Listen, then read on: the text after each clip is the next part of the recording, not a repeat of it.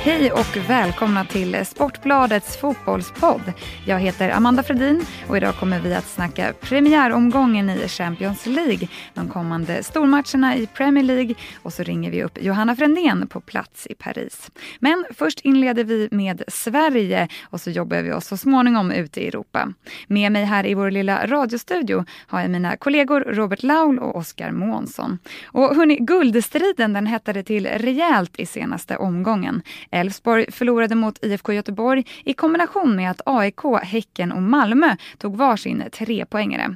Var det de här fyra lagen ni hade tippat att de skulle blanda sig i guldstriden innan säsongen? Eh, ja det var det absolut, men vi saknar ett lag. Vi hade, eh, vi hade fem lag istället för fyra när vi tippade. Det var de här fyra lagen plus IFK Göteborg då eh, förstås som, som jag tror i vårt Sportbladet-tips hade flest eh, röster när, när våra journalister här gick igenom eh, serien. I så fall var du jävligt synsk va? Eh, för att eh, Häcken, i alla fall jag tänkte väl att de fem topplagen som, som man liksom bunkrar upp där. Det, det var ju Malmö, det var Elfsborg, det var AIK, det var Helsingborg och det var Blåvitt. Och sen hade man väl Häcken som någon liten slags outsider där. Jag tror att jag hade dem som sexa eller sjua eller någonting.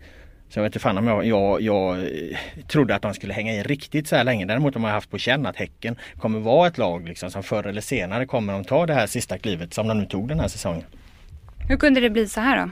Med Häcken? Ja alltså eh, egentligen är det ju inga konstigheter. Jag menar det har ju kommit fram liksom utmanare som har gått hela vägen tidigare. Närmast historien är det väl Kalmar som under många år liksom var och, var och nafsade på toppen, var med i toppstriden och sen kom de över den här mentala barriären att de, att de lyckades vinna allsvenskan 2008 och jag menar Häcken har ju haft en, en, liksom en solid ekonomi i många herrans år tack vare Gothia Cup. Eh, på senare år har de haft en väldigt bra sportslig ledning i, i, med en bra tränare i första hand då Peter Gerhardsson. Eh, en väldigt bra sportchef eh, i Sonny Karlsson. Eh, Eh, så, så egentligen är det, ju inga, är det inga konstigheter utan det är just att man väntar på att de skulle ta det här Kalmarsteget. Och jag menar det kan de mycket väl eh, göra nu. Jag menar vad fan de, de ligger mer uppe. Känner, känner de flåset i nacken nu, Boråsborna? Eh, ja det gör de alldeles säkert. De gjorde en otroligt bra vår och börjat tappa successivt. Det har inte varit någon sån riktig dipp tydligt men de har liksom tappat fart efterhand och så har de andra jagat ikapp. Men Häcken är intressant på det sättet att Eh, som du säger att vi borde ju fattat det här redan i våras men man är lite konservativ vad det gäller sånt här när man tippar. Jag resonerar nu på samma sätt. De här fem i topp, mm. eh, Elfsborg hade jag som etta. Eh, vilket jag gärna poängterar i och med att jag är ensam om det, det fortfarande håller. Eh, men Häcken satte jag som sjua där också och, och, det var också med den här invändningen då. Nej men jag tror inte riktigt på Häcken ändå. Jag tror inte de är riktigt där uppe när det bränner till. Plus att man, jag tänkte väl lite kanske då om en spelare slår igenom typ eh, Majid har gjort nu så, så kanske han sticker i sommar i så fall. Eh, men Häcken det är, det är faktiskt inte särskilt överraskande Nej, när man analyserar det. Det, det är logiskt men, men, men, men att de ska över den här barriären. Och, eh, ja, jag får säga att eh, imponerad av Månsson här som väl, du var den enda av oss eh, Eh, som 188 experter. som satte Elfsborg som vinnare. Men jag har gjort en uträkning som eh, visar att eh, förmodligen får du inte rätt. Jag skrev ett blogginlägg eh, häromdagen eh, där jag eh, försökte beskriva hur jävla svåranalyserad den här eh, eh, guldstriden är och då fick jag en massa skit för det för att folk tyckte att ja men vad fan om du har, du, har du inget att säga så skriv ingenting liksom. Så att då gick jag hem och satte mig på kam kammaren och räknade exakt hur de här liksom alla matcher kommer att sluta med, med de mest logiska resultaten. Och där kommer jag fram till att Elfsborg de kommer ta eh, 16 poäng till sina åtta matcher. Vilket gör att de landar på 60 poäng. Eh, häcken kommer att ta eh, 18 poäng till. Vilket gör att de också landar på 60 poäng. Men grejen är att Malmö och AIK de kommer att ta 19 poäng till innan de möts i sista omgången. Vilket gör att de kommer spela en direkt avgörande eh, guldfinal på Råsunda. Eh, jag tycker man tittar liksom på, på återstående spelschema. Vi ska inte stå och rabbla, det får folk gå in på nätet och kolla exakt vilka matcher de har kvar och det vet väl fansen och så vidare. Men det finns ganska goda förutsättningar att det här är ett logiska resultat och då kommer det att bli en direkt avgörande match på Råsunda mellan Malmö och AIK om vem som vinner allsvenskan. Och det hade ju varit något i Hästväg för det är den sista allsvenska matchen som ska spelas där också. Ja, Robert men... Laul, matematikern. ja med all... Han var med all... guld, gulddrömmar här nu med Elfsborg. Ja men jag ska säga det med all respekt för matematik, matematikprofessorn från Göteborgs universitet här så, så tror jag precis tvärtom faktiskt. Ja, okay. Jag tror att det är Häcken eller Elfsborg som tar det. Jag tror Malmö har tappat för mycket med Ranegi. Det är väldigt tydligt i spelet att de måste gå tillbaka till ett spel som de hade året innan vilket är ett ett eh, kortpassningsbaserat spel. Där de är lite uddlösa framåt. Nu står de och faller med eh, den nya sydafrikanen som visserligen har varit väldigt bra men i övrigt så har de Daniel Larsson tre mål på 21 matcher på topp. Eh, de känns lite, lite för impotenta där och vad det gäller AIK så är de otroligt bra form och de har sin positiva hybris och så vidare. Men jag tror de tappar fart på slutet också med tanke på att de måste lägga så mycket krut i Europaspelet. Det liksom historiskt visade sig att det är, i Sverige är det väldigt få lag som lyckas slå på två fronter. Jag kan hålla med om lite det du säger men om man tittar på, på de här eh, fyra lagen så eh, Elfsborg är ju de som liksom någonstans har lite problem nu. De börjar få de här skadorna. De har fortfarande inte övervunnit sitt eh, grässpöke. De har väl, vad fan är det, tre matcher kvar på, på, på gräs. Jag menar det kan ju till och med du som inte är matematiker räkna, räkna ut hur många poäng det blir på de tre matcherna. Eh, så att nej, jag tror att eh, just nu, med vad vi vet just nu så, så är, är, är den här matematiska formen och det vi kan luta oss allra tydligast mot. Eh, och så har det ju spelats ett eh, sista derby då på Råsunda i söndags mellan Djurgården och AIK. Vad kan vi säga om den matchen? Var det något att minnas? Ja, för fan det blev väl en, en eh, alldeles eh, fantastisk avslutning. Jag menar Råsunda derbyn är, är ju något otroligt speciellt. Eh, jag minns man flyttade upp hit till Stockholm och gick på de här derbyna så ringde man ju till, liksom hem till vänner och bekanta att fan det här måste ni uppleva. Alltså det, det är ju i internationell jämförelse eh, inramning som måste stå sig ganska högt mot, eh, mot det man har upplevt. Så att, eh, och nu blev det en, en, en, en bra avslutning på det. Det var synnerligen irriterande med alla jävla bengalavbrott. Så att det var väl liksom en liten plump i protokollet. Men, men annars tyckte jag att det var en fantastisk inramning. En rätt dålig match men, men det är inte hela världen liksom. Utan det, det var en häftig avslutning. Ja, det var ju riktigt stökigt med bengaler och så. Vad säger ni, hur ska vi få bukt med den här problematiken en gång för alla? Um, jag tycker man ska, ska skilja lite på, uh, på äpplen och päron här och det som hände under derbyt. Jag vet att det blivit väldigt stora rubriker i tidningen. Vi har en uh, konkurrerande eh, eller konkurrerande vet jag inte, men det finns en krönikör på en annan tidning som har skrivit ett väldigt irriterat inlägg över Eh, vad som hände och jämförde det här med svarta september och allting som det var. Och Robert och jag som var där, vi delar inte alls den eh, bilden av det här eh, derbyt eh, de, de brände av en massa bengaler precis efter paus, eh, vilket jag vet inte om det var någon slags manifestation eller någonting eh, med tanke på att den här frågan har varit så uppe. Alltså det var en protest liksom för hur dåligt eh, den här frågan har behandlats under lång tid och det, ja, det har jag väl inga så större problem med med tanke på att det var, det var inte samma med spelet. Alltså man kan, om det blir vissa förskjutningar i en sån här exceptionell match så, så är inte det hela världen. Däremot är de här små avbrotten då när man tänder enskilda bengaler på läktaren. Och då får man ju ett eh, hoppas att liksom klackarna städar upp själva, vilket de gör ibland, att det finns en självsanering. Att ja, de accepterar inte alla typer av beteende. Eh, och sen så två får man väl hoppas på att eh, man helt enkelt inte har den här regeln att man bara för att det brinner en bengal eh, bland 30 000 åskådare så måste man per automatik pausa spelet. Det känns inte helt eh, logiskt att göra på det sättet. Och det gjorde ju att matchen tog eh, två timmar och 40 minuter eller vad det var om man då utgick från när den skulle ha börjat. Och det, och det är ingen som vinner på det. Det var ganska irriterat. Eh, Magnus Persson, Djurgårdens tränare var irriterad. Spelarna var irriterade. Ja alla var irriterade ja. liksom. Nej men på, på bengalproblematiken som har funnits länge då. Eh, eller bengaldebatten. Det finns, ju, det finns ju egentligen bara eh, en lösning. Jag menar fotbollsförbundet kan aldrig eh, under deras flagg säga det, det är okej okay, liksom. Vi, vi, släpper det här helt fritt. Eh, för att eh, blir det olyckor och ett något slags worst case scenario, något barn skadas och så vidare. Då, då, de kommer aldrig klara den debatten de då ska ta. Att okej okay, det här har ni tillåtit och så vidare. För jag menar det, det är ju, det är ju fyrverkeripjäser som ska behandlas varsamt. Däremot går det ju eh, att, att förbättra dialogen med supportrarna här genom att, eh, genom att lämna över ansvaret till myndigheter, till brandskyddsmyndigheter och så vidare. Vilket är en fråga som supporterunionen driver och sen får det helt enkelt vara liksom ett, ett eh, ansökningsförfarande då där man får ansöka om att, att elda eh, i organiserade former och så vidare. Och jag menar, jag tror att, jag tror att eh, eh, den här situationen som har varit så länge nu jag tror inte att det är fel att prova det nu igen. Jag vet att det har provats tidigare och det fungerar lite sådär då. Men jag menar ge det en ny chans. För jag menar det är ju fortfarande ett, stort, ett problem liksom med dem. Och, och, och, det är väl bättre i så fall att försöka ha det i, i någon, någon organiserad form. Därmed inte sagt att fotbollsförbundet ska släppa på det. De måste behålla sina böter och, och så vidare för, för, för när det brinner i icke-organiserad form. Men lämna, lämna över eh, eh, beslut beslutet till brandskyddsmyndigheterna och så, och så får väl de ta vidare debatten med, med, med supportrarna om att organiserat bränna. Jag menar, det, det är väl den vägen man får gå liksom. Jag är helt enig med matematikprofessorn den här gången. Däremot så tror jag inte det kommer funka. För att dialogen är sällan särskilt bra mellan till exempel supportorganisationer och, och myndigheter och förbund och sånt. Utan, eh... Nej men det skulle föra med sig tror jag en bättre dialog mellan, mellan fotbollen och, och supportrarna. Och där vill man inte ha någon eh, alltför risig dialog. Visst, sen kommer det alltid finnas ett mått av liksom rebellrörelse eh, som kommer vara över det hela. Absolut, det, det, det, tror jag. Men jag menar eh, när det, ändå, när det är de problemen vi har här nu så, så varför, inte, varför inte lämna över beslutet? Råsunda då? Den här fula, fula öststatsarenan. Kommer ni sakna den någonting?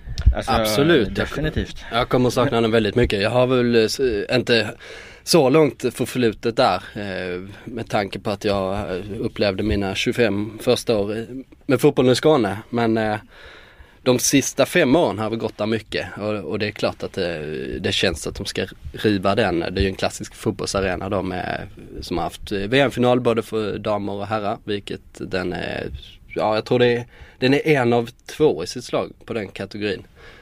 Jag, jag träffade faktiskt Lennart Johansson eh, strax innan, eh, eh, strax, eller dagen innan derbyt eh, och snackade massa Råsundaminnen. Han är ju en av få då som har liksom överlevt hela grejen. Lennart föddes 1929 och Råsunda föddes 1937. Så. Och han var givetvis på den här premiären då och kunde berätta att han stod bakom AIKs mål och höll i, höll i en gammal farbrors rock där. Eh, med det sagt, eh, eller när Lennart skulle lista sina bästa Råsundaminnen Eh, Eh, så förstod man att det var ganska mycket historia när han plockade upp Atom-Egons när han eh, sänkte England 1949. Eh, Knivsta Sandbergs kanon, kanonskott 1952 och VM-finalen 1958. Det, och sen stannar minnena på något sätt liksom. Så det, ja, det sätter saker i perspektiv. Jag måste börja tillägga att, att Atom-Egon kan ju vara det överlägset bästa smeknamn. Eh, inte bara i fotbollsvärlden utan alla kategorier överhuvudtaget. Ja det är bra. eh, vi tar ett steg ner då till Superettan. Det blir ju ingen allsvensk comeback för Hammarby. Eh, vad är det som gör att de inte klarar av det här? Jag tycker de har byggt sin eh, trupp fel eh, och det är något, en, en käpphäst jag haft eh, länge. I fjol så hade de eh, på tok för många spelare i laget som de roterade. Eh, och det blev visst eh, missnöje som det alltid blir en stor trupp. Inte av någon speciell anledning förutom att just det var för många. Eh, och då måste man eh, hålla eh, fler spelare nöjda av de som inte får spela. Och inför den här säsongen så var det det enda eller som Hammarby snackade om. Att man skulle komponera sin trupp lite smartare. Eh, man skulle hålla eh, en elva, en bänk och sen lite juniorer. Någonstans där skulle det ligga. Och nu i, när det gick emot i, i våras eh, där man roterade väldigt mycket så har man ändå tagit in, om, vi, om det är sju nya spelare. Man tog in typ 13 nya spelare inför säsongen inkluderat de som flyttades upp i A-truppen. Och nu fortsätter man på det här sättet och det är så tydligt och oavsett om man gjort två väldigt bra värvningar i, i Kennedy förstås och Erik Sundin så saknar man liksom en röd tråd i hela eh, sitt bygge tycker jag. Eh, en idé helt enkelt som, som får en att tro på framtiden. Saken är att de har ju, i och med att det varit så mycket eh, justeringar och så, så har det ju aldrig liksom funnits någon tid att få den här röda tråden heller. Jag menar även om det är eh, trist eh, för alla Hammarbysportare att det gått som det gått nu och, och, och man är missnöjd och så vidare så, så, tror jag inte att lösningen nu är att riva upp på nytt. För jag menar även med de här invändningarna du har Oskar som är relevanta så måste du här ändå vara liksom ett steg framåt än, än förra säsongen. Alltså det går ju åtminstone kan man säga i lite mer rätt riktning än, än det har gjort tidigare. Och nu har de ju faktiskt en, en rätt hygglig trupp. Jag kan tycka att de behöver bättre ytterbackar till exempel. Jag såg dem mot BP här nu. Det, det var ganska tydligt att de, de behöver stärka upp med bättre ytterbackar. Annars har de ett hyfsat lag som, som kommer kunna slåss i toppen nästa år av Superettan definitivt. Jag tror att det här laget de har nu hade nog kunnat hänga med längre i toppstriden i år om de hade fått ha de här spelarna från början.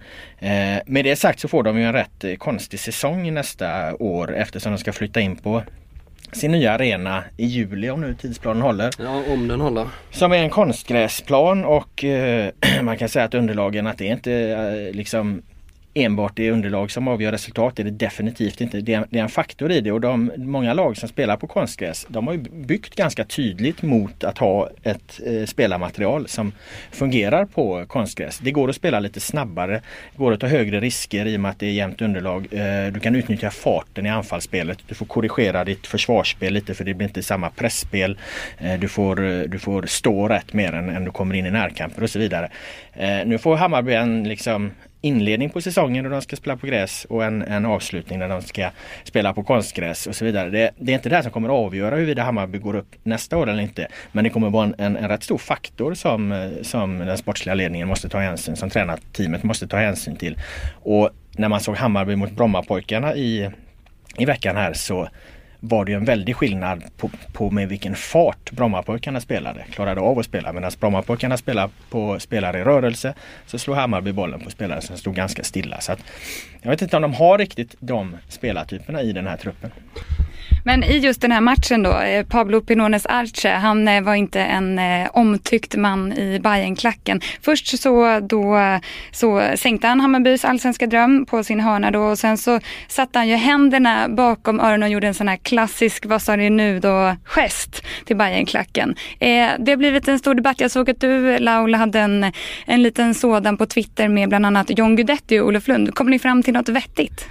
Nej, men det är väl så. Eh, eh, man, jag tycker man lär sig det ganska ofta i, i sammanhanget. Om det händer en grej och så reagerar folk instinktivt och tycker det här var fel eller det här var rätt. Då finns det alltid liksom en, en anledning att tänka ett par, par varv extra. För att ofta visar det sig att... Gärna, med, en, gärna med en matematisk nej, formel. Men har man, har man liksom spontant reagerat på någonting som man upplever som konstigt då finns det anledning att dra det här ett, ett par varv till. Eh, för att det finns en relevans i att den här regeln att man inte får uh, göra provokativa gester. Det finns en, liksom en relevans i att den finns och straffet är egentligen inte så hårt. Straffet är ju ett gult kort. Nu blev det extremt hårt eftersom han redan hade ett gult kort innan.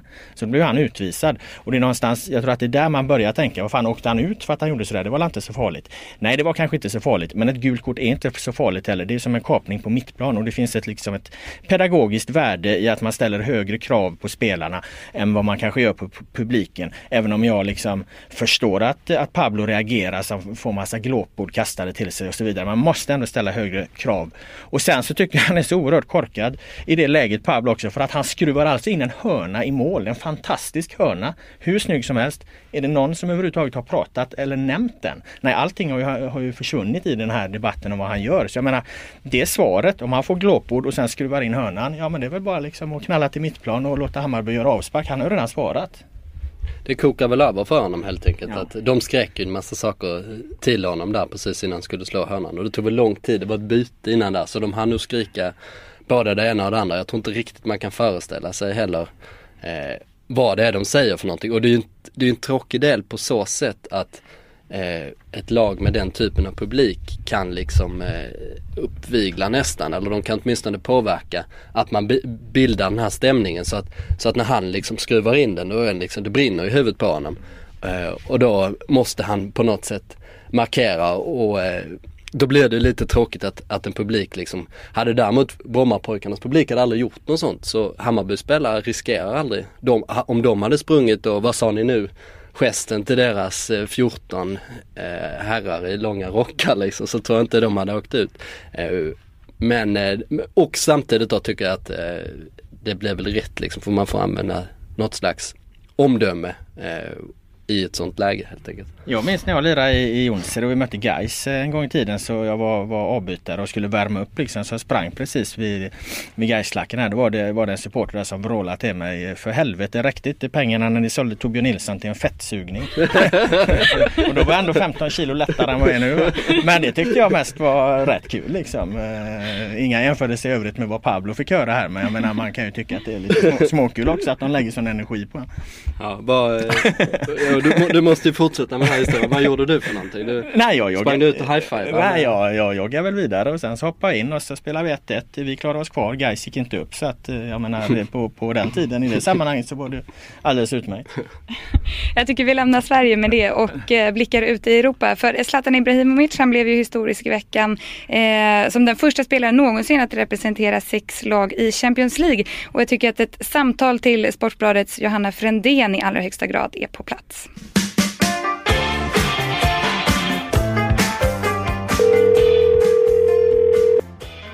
Vad har sagts i, i den franska pressen då om Zlatans eh, Champions League-premiär?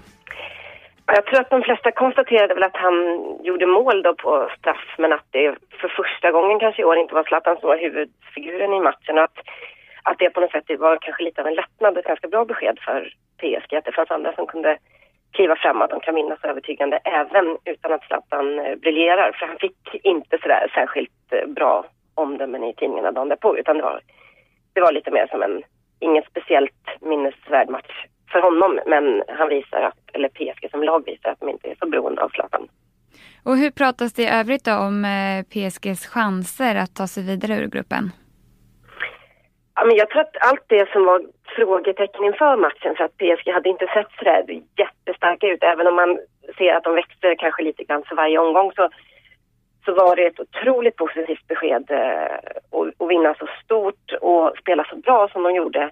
Eh, så lugnt och, och, säkert och dominera på ett sätt som, som man inte har sett eh, tidigare i år då, det här nya bygget. Så att jag, jag, min känsla är att de flesta tror att eh, det blir nog PSG och eh, Porto som tar sig vidare från den här gruppen. Porto vann ju ganska övertygande på bortaplan också. Så att, ja, det känns väl som att eh, den här första känslan efter lottningen att det, det, här var väl en ganska bra grupp. Det här, är väl, det här kommer väl kunna ordna sig. De, de blev absolut bekräftade efter eh, första omgången i Champions League för PSGs sida. Då. Och låt säga då att man skulle ta sig vidare ur gruppen. Sen väntar ju ett januarifönster. Hur spekuleras det i ytterligare förstärkningar? Alltså det, det man vet, det som är klart är ju att eh, Lucas Mora kommer då, den, den här stora brasilianska eh, mittfältstalangen. Han är ju klar från och med eh, fönstret i, i vinter. Så att eh, man vet ju att man får en rejäl förstärkning där, eller en, en, en rejäl eh, värvning i alla fall.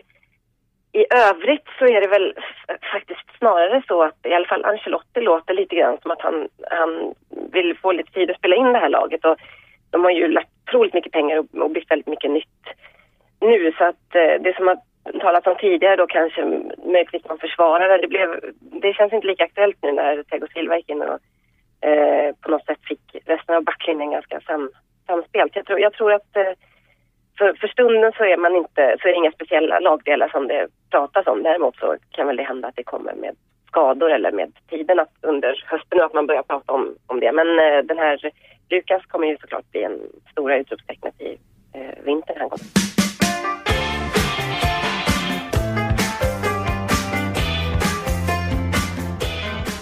Ja, då har Oskar Månsson bytt plats med Kalle Karlsson. Välkommen in i vår lilla radiostudio. Tack, tack, tack, tack. Eh, jag tänkte att vi skulle prata lite Champions League. Eh, jag tycker ju att eh, Real Madrid och Citys match var väl den i varje fall som fastnade mest hos mig. Vilken galen vändning, vad kan du säga om den? Nej men det var en helt otrolig vändning och framförallt med tanke på förutsättningarna som vi tog med oss in i den matchen. Ett Madrid som har startat ligan sämre än vad de har gjort på många år som redan är 8 poäng efter Barcelona. Och där man känner att eh, Mourinhos projekt någonstans, ja det börjar gunga. Och så hamnar de i den eh, situationen att de ligger under hemma mot Manchester City med några minuter kvar. Och i ett läge då där man känner att de har liksom inte läktarna med sig, de har liksom inte eh, trovärdigheten på det här börjar, börjar minska. Och då, och då att vända i det läget och göra två mål under de sista minuterna var ju helt otroligt. Mourinho såg ut som han hade vunnit hela, hela Champions League. Ja, alltså det, det, var ju ett underbart målfirande och vi har ju gjort, vi har blivit vana vid att han firar eh, vissa mål får man ju säga på det sättet. Han är ju väldigt speciell den mannen. I vissa, vissa gånger då rör han inte en min när hans lag gör ett viktigt mål. Och nästa stund då glider han ner på knä eller springer ut eh, på Camp Nou och eh, gör gester så att eh, till och med Victor Valdes får, får, får stoppa honom. Så att eh, eh, det var ju ett, ett nytt galet målfirande av honom. En annan som firade innan den här stora vändningen kom var ju City-supporten Liam Gallagher som ju var nere i Madrid och enligt uppgifter ska han ha sprungit runt och häcklat Real-fans och när då första City-målet kom så kysste han en ordningsvakt. Härlig, härlig snubbe. Alltså de är ju störtsköna bröderna Gallagher på det sättet. De är, jag, vet, jag tror det var Noel, han eh, han blev ju ombedd av Colin, Wayne Rooneys eh, fru, att eh, signera en gitarr när Wayne Rooney fyllde år här för ett antal år sedan. Och då såg ju han till att, ja han, han accepterade så ja, ja det gör jag gärna. Eh, men sen såg han ju till att, eh, att den där gitarren utsmyckades i Manchester City-färger och att, den blev, att de skrev första versen i deras klubbsång på, på den där gitarren. Så att de, de brukar ju vara pigga på och eh, skicka lite pikar hit och dit. Jag såg det där klippet nu på han där på läktaren och han, eh, ja, det, man kan säga att jag förstår om publiken runt omkring blev, eh, blev lite uppretade av hans uppträdande. Jag vet att, jag tror det var Tobbe Ek, våran eh, Aftonbladets snubbe i London skulle intervjua honom i ett helt annat sammanhang. Eh, musik eller vad det nu var, jag vet inte. Det var, det var för ett tag sedan och, och han hade kommit in där eh, trött och, och jävlig Gallagher och, och det första han hade sagt, jag frågade Tobbe Ek ungefär om att håller du på Manchester City? Och Tobbe Ekberg som eh, väl inte är sportintresserad, sportintresserad alls. Han bara nej det gör jag väl inte. Nej men vad fan ska jag prata med dig för då? Ska jag göra en intervju med dig? Jag tror att det, jag tror att det, det löste sig ändå men det var, det var en skön inledning. ja, de var sköna också där. De är för jäkla goda. När, när eh, City hade fått nya ägare så, så sa ju det lite spydigt där till alla. Han skickade en passning till resten av världen. Att varje gång ni tankar nu så, så vet ni att pengarna kommer gå till nyförvärv. Det är för vår klubb liksom. Vad eh, kommer kommer ni mer ta med er då från den här eh, premiäromgången i Champions League? Ja, för jag tänkte på en kon konkret grej då eh, kring Zlatan som var lite, lite intressant. Han, eh, han eh, satte ut straffmål och eh, hört han prata rätt mycket om hur, hur, han slår sina straffar och så vidare. Det handlar om att bestämma sig. Men det finns ju olika sätt att, att slå straffar. Det handlar om att bestämma sig och veta att man är säker på att sätta den. Och han slår just på det sättet oftast. Han går fram med högen hårt som fan vrider den i, i målvaktens högra hörn, sitt eget, eget vänstra. Liksom. För han, och vad man gör i det läget det är att då, då tänker man inte på att målvakten finns. För när du står vid straffpunkten då kan målet ändå se rätt litet ut. Man tänker bort målvakten och så vet man exakt vad man ska göra. Man vet att man har gjort det så många gånger så man drar in den där. Nu slog han en straff där han la en enkel bredsida på andra sidan eh, av målvakten man har motiverade med ungefär samma sätt att, att, eh, att eh, jag visste exakt vad jag skulle göra. Så att eh, fan frågan är om inte Zlatan är på, på, på väg att, att bli någon form av extrem straffspecialist alltså. För att jag, jag tyckte det var imponerande att han slog den på andra sidan. Han har, han har gjort det någon annan gång också va. Men när jag satte mig in och funderade på det här så det, det är rätt imponerande att kunna slå straffarna. Alltså. Vad, Kalle, vad kommer du minnas från den här omgången? Nej men jag tycker det är kul, det jag tog med mig det är ju Dels är det ju fantastiskt att Champions League Om man nu mot all förmodan skulle hinna glömma bort eh, hur, hur, hur häftig den här turneringen är så Så får man varje höst den här påminnelsen om att eh, fo, det, fotbollen som levereras det är den absolut högsta nivån. Det är högre nivå än VM, det är högre nivå än EM. Det här är liksom fotboll när det blir som allra bäst. Och, Real Madrid, Manchester City var ju ett bra exempel på det. Men jag tycker det är intressant också att se att förr om åren så kunde de här stora klubbarna surfa igenom gruppspelet på ett annat sätt. De visste att de skulle gå vidare. Nu tack vare att pengar har förflyttats i Europa till exempel till eh, framförallt då kan man säga till öst då, men även till sådana här projekt som Paris Saint-Germain så finns inte riktigt den eh, ställningen att man kan surfa sig igenom längre. Som Manchester United i fjol hamnade i en väldigt enkel grupp med Benfica och Galati från Rumänien och ehm, eh, Basel och lyckades åka ur. Och det var ju liksom jag tror att det blev en väckarklocka för klubbar eh, då att det går inte att slappna av i gruppspel längre. Det är bara att titta på, på grupperna nu. Manchester United igår hemma, de har alltså jättestora problem att besegra Galatasaray. Och nu har man inte riktigt längre det här eh, utrymmet för att gå på plumpar i gruppspelet. Då kan man faktiskt åka dit även som stor klubb idag. Barcelona hade ju dessutom stora problem hemma mot Spartak Moskva.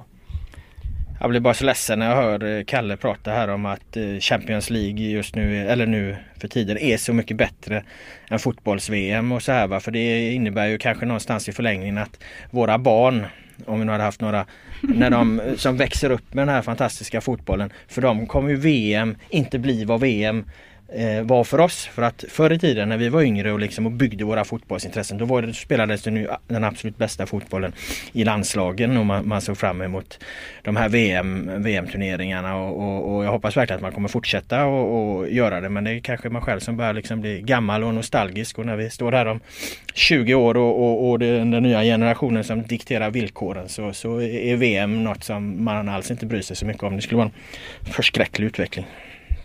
Eh, om vi vänder blickarna mot England och Premier League så har vi två stormatcher på söndag. En av dem det är Liverpool-Manchester United. Eh, Liverpool har ju startat lite trögt eller väldigt trögt och är fortfarande då på jakt efter första vinsten. Eh, vad tror du att, eh, hur tror du det kommer se ut på söndag? Kommer de få någonting att säga till om mot United? Ja, det tror jag definitivt med tanke på att Liverpool även under de här åren när det har gått lite tungt nu på senaste åren så har de faktiskt varit bra i toppmatcherna. De har en tendens att kunna tända till då. Och det såg vi inte minst mot Manchester City i andra omgången den här säsongen när de gör en helt otroligt bra match och ska ju slå Manchester City då. Men eh, Skertel gör ett misstag i slutet av matchen och, och City kvitterar.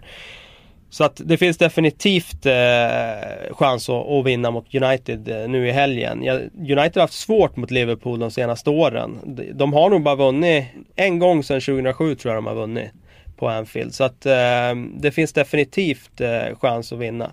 Det man ska komma ihåg, det är ju många som säger nu liksom med Brennan Rodgers att han sitter löst och sådär.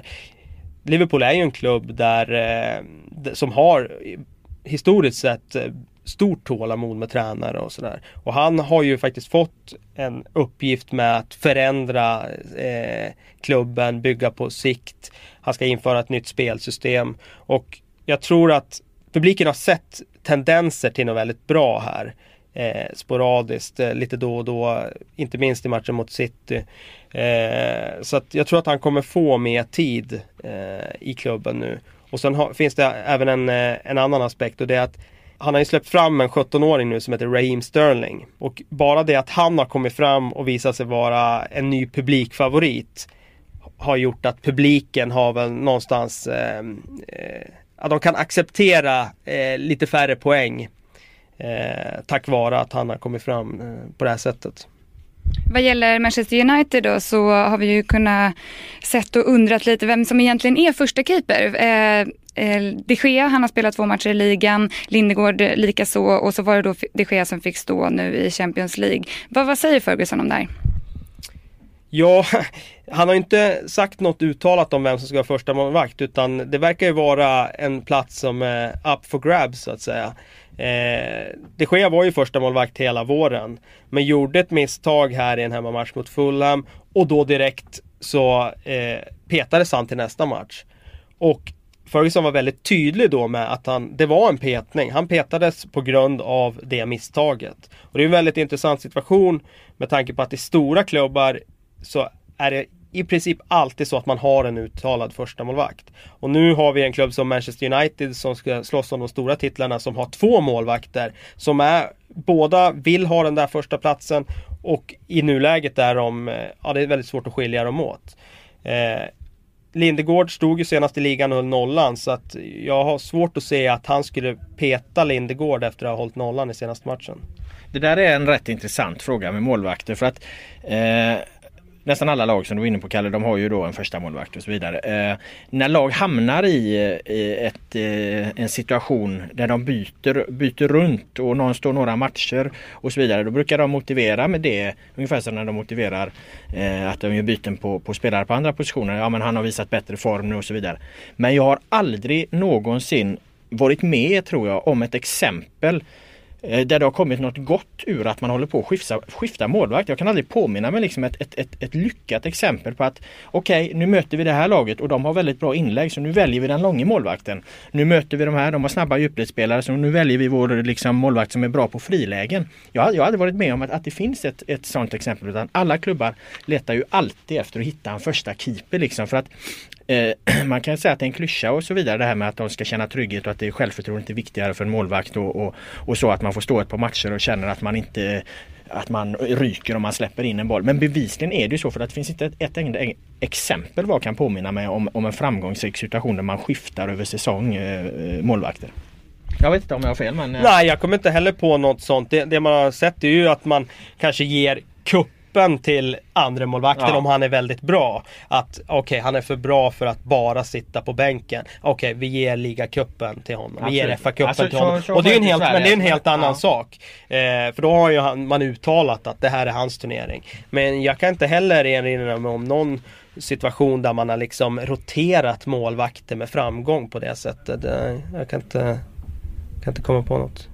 Eh, den andra stora matchen då på söndag det är ju Manchester City och Arsenal och där vill jag gärna dröja lite vid Arsenals Lukas Podolski. Eh, vilken jäkla bulldozer. Tre mål på de tre senaste matcherna. Hur bra är han egentligen?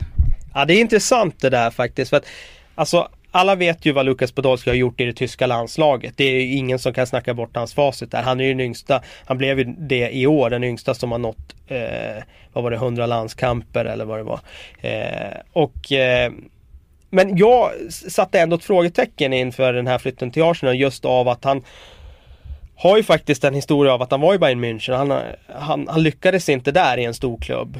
Och, och, han har gjort det väldigt bra i Köln. Men det är en sak att vara en stor stjärna i ett lag på den undre halvan av tabellen och det är en helt annan sak att kliva upp på den allra högsta nivån. Men det han har visat hittills är ju eh, otroligt lovande. Och inte bara det faktum att han gör mål utan han har gjort ett enormt ansvar defensivt. Han har varit eh, en typ av karaktärsspelare som, eh, som Arsenal behöver som man sett de senaste åren att de har saknat. Så att eh, han har bidragit med väldigt mycket och jag vet ju Steve Steve Bold till exempel, han säger han, han har aldrig sett en bättre avslutare än Podolski. Han gör alla typer av mål. Eh, högerfoten, vänsterfoten, det är liksom han, han trycker verkligen dit dem distinkt eh, hela tiden. Vet du vad du lär dig av det Kalle? Sätt aldrig frågetecken för en tysk landslagsman. Nej, jag vet, jag, jag vet att du gillar dem. Men det, det, så är det ju. Man, eh, tyskar ska man eh, sällan sätta frågetecken kring. Så är det. Tyskälskaren Robert Laul, inte bara matematiker. Eh, hur mycket ligger han bakom då Arsenals goda form just nu? Ah, han, har, han har bidragit med, med en hel del men det framförallt man kan säga med Arsenal det, det tycker jag är, som är intressant det är ju att de har, verkar få till det defensiva spelet för första gången på väldigt väldigt länge. Och det är ju mycket intressant med tanke på att de har tagit in Steve Bold nu i eh, tränarteamet. Han ersatte Pat Rice då som eh, Wengers högra hand inför den här säsongen. Och förra säsongen fanns det ju eh, sådana som ropade på, efter just Bold eftersom Arsenals försvar alltid har varit så darrigt. Och de hamnar i de här lägena där, de, där man sätter ett stort frågetecken kring om, om de har eh, kanske den här organisationen där bak. Och nu har Steve Bold kommit in, jobbat med den här eh, truppen. Jag vet Thomas Vermaelen gick i alla fall ut och sa här för bara någon vecka sedan att, att uh, han har eh, satt sin prägel på försvaret. Och de har ju bara släppt in eh, två mål den här säsongen hittills. Det är ju ett fantastiskt facit. Mm. Vet du vad du lärde av det Kalle? Sätt aldrig frågetecken för Arsenals försvar. Nej. Om vi hade varit 20 år tidigare i tiden. Nej, så är det ju. På den tiden hade de ju en fantastisk backlinje mm. med Bold och Adams och Winterburn och Dixon. Så att eh, eh den backlinjen under George Graham, den skulle jag aldrig sätta ett frågetecken kring. Många lärdomar idag. Jag tycker vi, vi sätter punkt där. Inget frågetecken, en punkt alltså. Ett utropstecken kanske. Ett utropstecken, precis. Eh, Robert Laul och Kalle Karlsson, tackar för att vi var med mig här i eh, vår lilla radiostudio på Aftonbladet. Eh, fortsätt att lyssna på Sportbladets eh, fotbollspodcast. Vi ses snart igen.